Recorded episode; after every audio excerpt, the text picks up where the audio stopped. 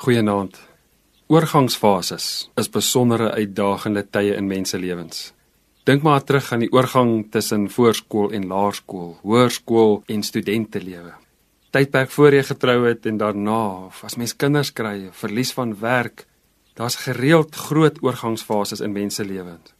In die wetenskap word woord gebruik, die woord liminaliteit, om hierdie tydperke te beskryf waar 'n mens 'n vorige identiteit gehad het en dan in hierdie oorgangsproses gaan om 'n nuwe identiteit te vorm.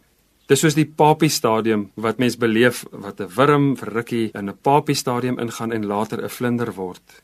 In daardie donker fase, in hierdie papie fase, vind daar 'n fantastiese vernuwing en transformasie plaas van 'n nuwe identiteit. As mens na Josef se lewe kyk, beleef hy ook hierdie tye van liminaliteit, hierdie donker papie fase as hy in die put gegooi word, ook as hy later in die tronk gegooi word en mense sy naby mense hom verwerp, beleef hy hierdie diep donkerte. Maar in hierdie donkerte word hy hervorm. Want die teks vertel mooi hoe God by hom teenwoordig was in daardie tyd. As mens Genesis 39 lees staan daar: Die Here was by Josef en dit het met hom goed gegaan.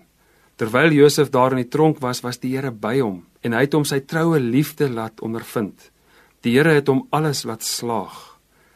So besonder om te sien hoe die Here in hierdie donker tye, oorgangstye wat vir ons besonder uitdagend is, dit juis kan gebruik om nuwe identiteit te skep en te vorm.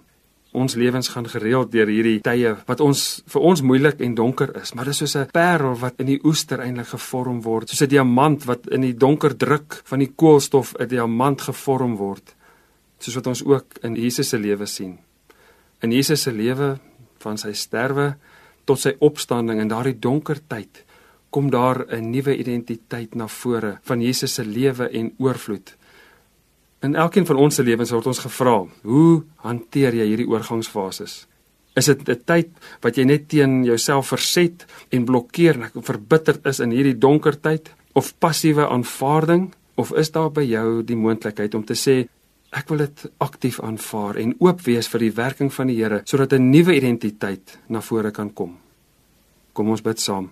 Here, dankie dat U self deur die drempeltyd die tyd van liminaliteit, van lyding en sterwe en opstanding gegaan het sodat ek my eie drempeltye in U 'n nuwe identiteit kan aanvaar. Amen.